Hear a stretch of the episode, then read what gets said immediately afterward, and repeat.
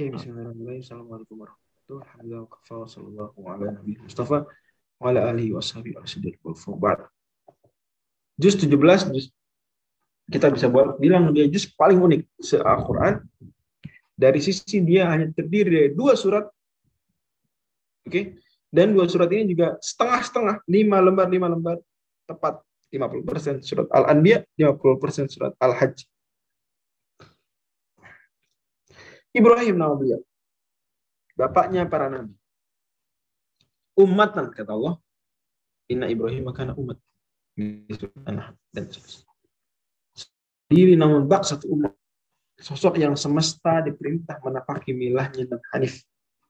Teladan yang beroleh di sana sidakin fil akhirin. Sesuai doanya. Apa tuh? Sanjungan semua agama. Nabi yang paling banyak disanjung sanjung oleh semua agama baik agama benar, agama keliru, agama samawi, agama bikinan manusia. Semua memuji Nabi Ibrahim. Yus 17 ini lagi-lagi kita dibuat kagum dengan kebrilianan beliau alaihissalam memadu antara ketegasan dengan kelembutan. Antara nahi mungkar dengan tangan dan nahi mungkar dengan lisan.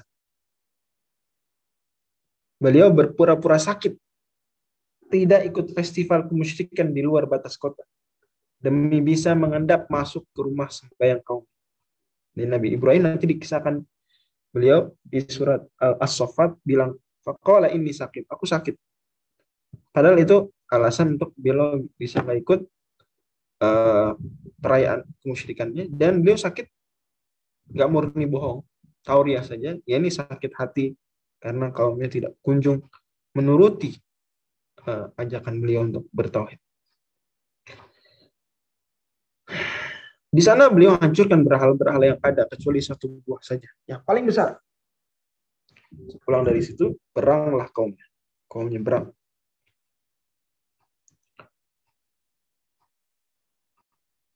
Dipanggillah, bukan dipanggil ya, dipanggillah Ibrahim muda. Di sidang, di hadapan seluruh rakyat. Mereka ditanya dulu, siapa nih kira-kira yang menghancurkan? Siapa? Oh, ini ada anak muda suka menyindir, menyinggung-nyinggung berhala. Nah, jadi memang Nabi Ibrahim sudah berdakwah dengan lisan dulu. Jadi jangan bayangkan teman-teman, Nabi Ibrahim ujuk-ujuk tiba-tiba ya suddenly langsung hancurin berhala. Enggak begitu. Semua ada proses. Nah. Kata Allah Subhanahu wa taala, qalu ma fa'ala hadza bi alihatina ya Ibrahim? Bi alihatina innahu laminadh dhalimin siapa melakukan ini kepada berhala-berhala kita? Sungguh dia orang zalim. Qalu sami'na fatan yadhkuru yuqal lahu Ibrahim. Kita dengar ada seorang pemuda yang suka nyinggung-nyinggung berhala. Namanya Ibrahim. Qalu fa'tu bi ala ayri nasi la'allahum yashhadun. Bawa mereka kepada kita biar orang-orang saksikan. Surat Al-Anbiya surat yang pesannya adalah persatuan. Surat Al-Anbiya surat pesannya adalah persatuan misi para nabi terutama inna hadhihi ummatukum ummatan wahidah pesan besar dari surat Al-Anbiya.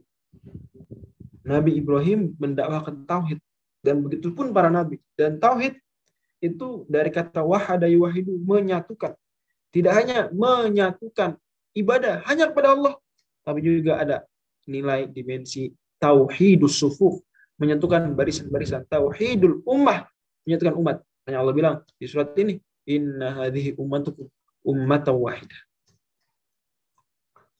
Kembali ke kisah Nabi Ibrahim. Di sidang di seluruh rakyat, maka Nabi Ibrahim mengatakan, Qala bal fa'lahu kabiruhum fas'aluhum in kanu yantiqun. Yang melakukan adalah patung terbesar, silakan tanya saja andai berhala mampu bicara. Sebagian orang mungkin bertanya, kalau gitu Nabi Ibrahim di sini bohong, bukan tauriah, bukan pura-pura atau semi bohong, tapi bohong betulan. Kenapa? Karena Nabi Ibrahim mengatakan bal fa'alahu kabiruhum hadza yang melakukan patung terbesar ini. Itu kan nggak bisa. Itu bohong betulan.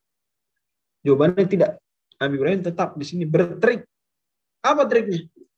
Qala bal falau kabiruhum hadza fas'aluhum in Jadi andai berhala mau bicara, maka yang melakukannya adalah patung terbesar. Begitu maksudnya. Andai berharap mampu bicara, maka yang melakukannya adalah patung terbesar. Tanyain aja. Nah, begitu takdir. Ingkanu yang tikun, Bal fa'alahu kabirum hadza in kanu yantiqun fas'aluhu. Begitu. Bal fa'alahu kabirum hadza justru yang melakukan adalah yang terbesar. In kanu yantiqun. Kalau memang bisa ngomong. Kalau bisa ngomong yang melakukan yang besar. Kalau bisa ngomong ya yang melakukan bukan yang terbesar. Cerdas sekali Nabi Ibrahim. Ibrahim sudah saya singgung beberapa kali Nah, salah satu nabi yang paling cerdas ya dalam beradu argumen. Masya Allah. Masya Allah. Terbungkamlah mulut mereka. Tertunduklah kepala mereka. Menuki suara rusi. Sadar mereka sebenarnya. Laqad alim tamaha Sayang, mereka kedepankan ego sehingga Nabi Ibrahim justru malah dihukum, dilemparkan ke kubaran api. Qalu harriquhu Wansuru alihatakum. Ironis sekali. Bakar Ibrahim. Tolonglah berhala-berhala. Lantas Allah pun sejukkan api itu untuk kekasihnya. Kulna yana rukuni bardan. Di antara keturunan beliau yang juga mendakwakan tauhid, menyatukan umat, mempersembahkan ibadah yang esa hanya hanya untuk Allah adalah Nabi Daud dan Nabi Sulaiman. Wa Daud dan Sulaiman Besi dilunakkan oleh Allah bagi Nabi Daud. Jin ditundukkan bagi Nabi Sulaiman. Masya Allah. Nabi Daud. Wa alam nausan atala busilakum litufsinakum basikum. Jin ditundukkan bagi Nabi Sulaiman. Ya. Wa min asyayati may yawusuna lahu wa ya'maluna amal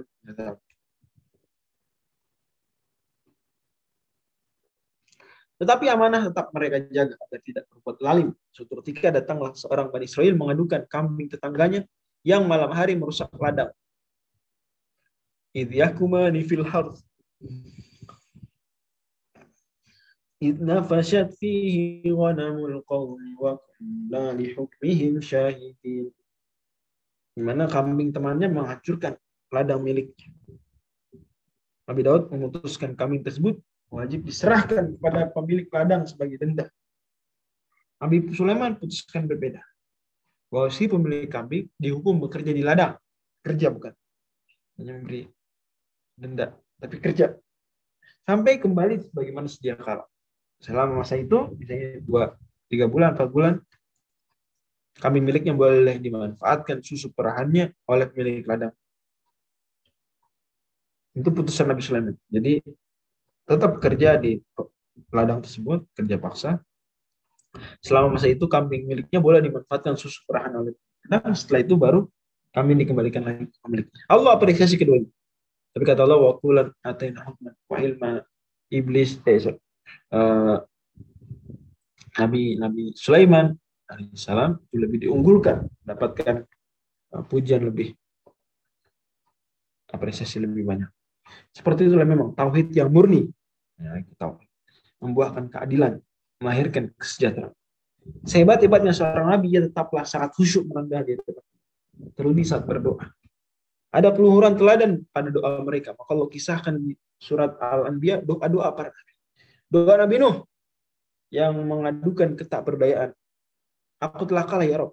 Anni maglumun fantasir. Allah sebut di juz 27 cuma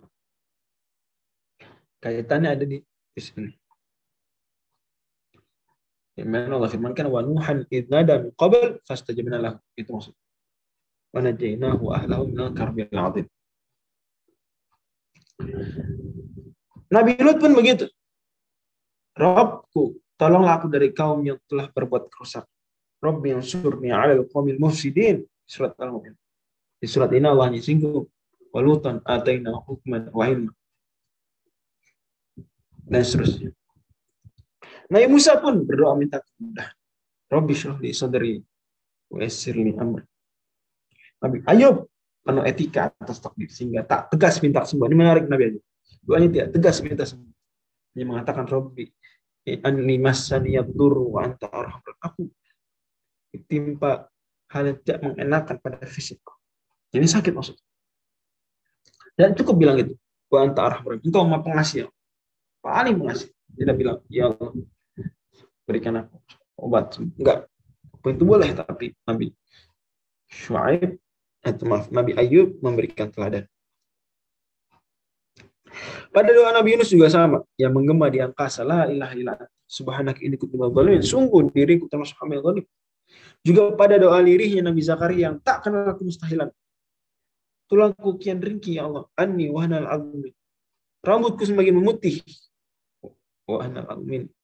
Roshi. Dan namun aku tak pernah kecewa melantunkan doa. Rob, jangan biarkan aku sebatang kara. Rob, bila tazar li fardan. Engkau lah sebaik-baik waris. Tetapi kekuatan dan dahsyat doa para nabi bukan melulu soal keelokan sajak atau maupun keindahan diksi tapi karena mereka selalu bersegera dalam kebaikan. Karenanya mereka khusyuk berdoa dengan penuh harap motivasi. Ya sudah lanjut yang dibahas pada juz sebelumnya kembali diulas di sini. Sesuai janji lain, dinding ini adalah rahmat dari Tuhan. Rahmat min rabbik. Fa idza jaa wa'du. Kalau sudah tiba janji Tuhanku, dia akan menghancur luluhkan. Dan benar tembok tersebut nanti akan hatta idza futihat ya'juj dibuka izinkan mereka menghancurkan, maka dilubangilah dan diloncati setelah. Allah juga isyaratkan bahwa tembok itu ada di pegunungan. Allah bilang, hingga apabila temboknya sudah lanjut hatta idza futiyat ya'juj wa ma'juj wa hum min kulli hadabin yansil dari semua tempat-tempat tinggi keluar. Maka di waktu itu Allah akan membiarkan dia berbaur sama lain, menghancurkan, menjarah, membantai. Tapi aksi mereka terbatas pada timur tengah saja, berbeda dengan Dajjal keliling dunia.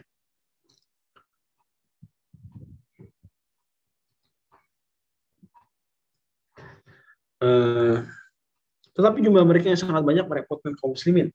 Jadi meskipun terbatas di Timur Tengah, tapi merepotkan kaum muslimin.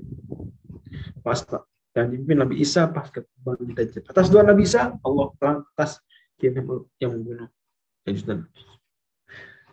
Maka setelah menyaksikan dijabahnya doa para nabi kepada Allah, setelah menginsyafi kemahakuasaan Allah mewujudkan permohonan mereka, kini apakah kalian wahai musyrikin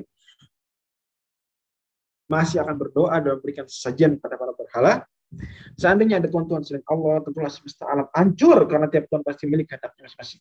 Sungguh, segala yang kamu seru selain Allah tidak dapat menciptakan seorang seekor lalat pun. Bahkan anda mereka ber Jika lalat tersebut merampas itu mereka, wa iya subuh syai'an, akhir surat Al-Hajj mereka tidak akan mampu merebut yang kembali dari lalat tersebut. Sama lemahnya. Do'ufat talib wal matalub yang disembah. Lemah yang menyembah. Siapa suka menyembah Allah. Wa fakan nama kharam sama. Akan dia jatuh di langit sampai buruk. Kayaknya apakah kalian masih mengingkari kehidupan akhirat? Mengapa kalian melakukan kuasa Tuhan yang menciptakan yang mati? Biar menciptakan dari tanah. Padahal Allah mau menciptakan langsung dan seterusnya. Kemudian dari sumber lagi, Allah keluarkan kalian sebagai bayi, kemudian dengan berangsur mencapai dewasa. Padahal Allah mampu menghidupkan bumi yang kering. Apabila Allah turunkan hujan di atasnya, hiduplah bumi itu dan menjadi subur dan menumbuhkan berbagai jenis sepasang tumbuhan yang indah. Sayangnya hati kalian telah terbutakan. Antara buta sejati bukanlah buta pandangan mata kepala, tapi bukan buta mata WhatsApp itu barangkali uh, terakhir masih ada di antara kalian ada yang hanya mengikuti para setan di antara kalian ada juga yang berpantahan tentang Allah tanpa tunjuk tanpa kitab tanpa wahyu yang beri perbenaran di antara kalian ada juga yang menyembah Allah hanya di tepi.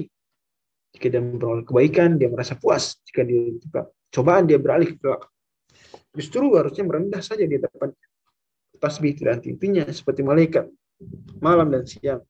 Malaikat pun tidak memberi syafaat kecuali yang Allah kehendaki. Malaikat hati-hati, takut pada Allah.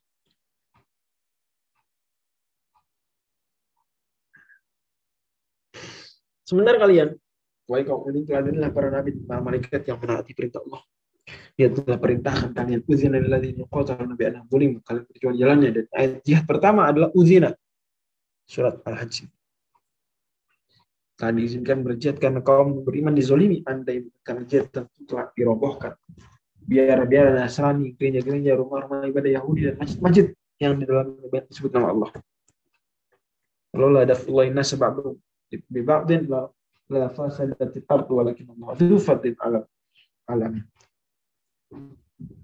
Lihatlah pertolongan Allah pada Ali bin Hamzah bin Abu Talib, Ubaidah bin Harith, Hadani khosmani ikhtasamu fi rawi. Maksud itu. Mereka semua inspirasi dari hadani hadani ikhtasam. Hadani khosmani ikhtasamu fi rawi berduel pedang melawan Al-Walid bin Utbah beserta sang ayah Utbah bin Rabi'ah dan pamannya Syaib bin Rabi'ah di awal perang Badar. Uang misal.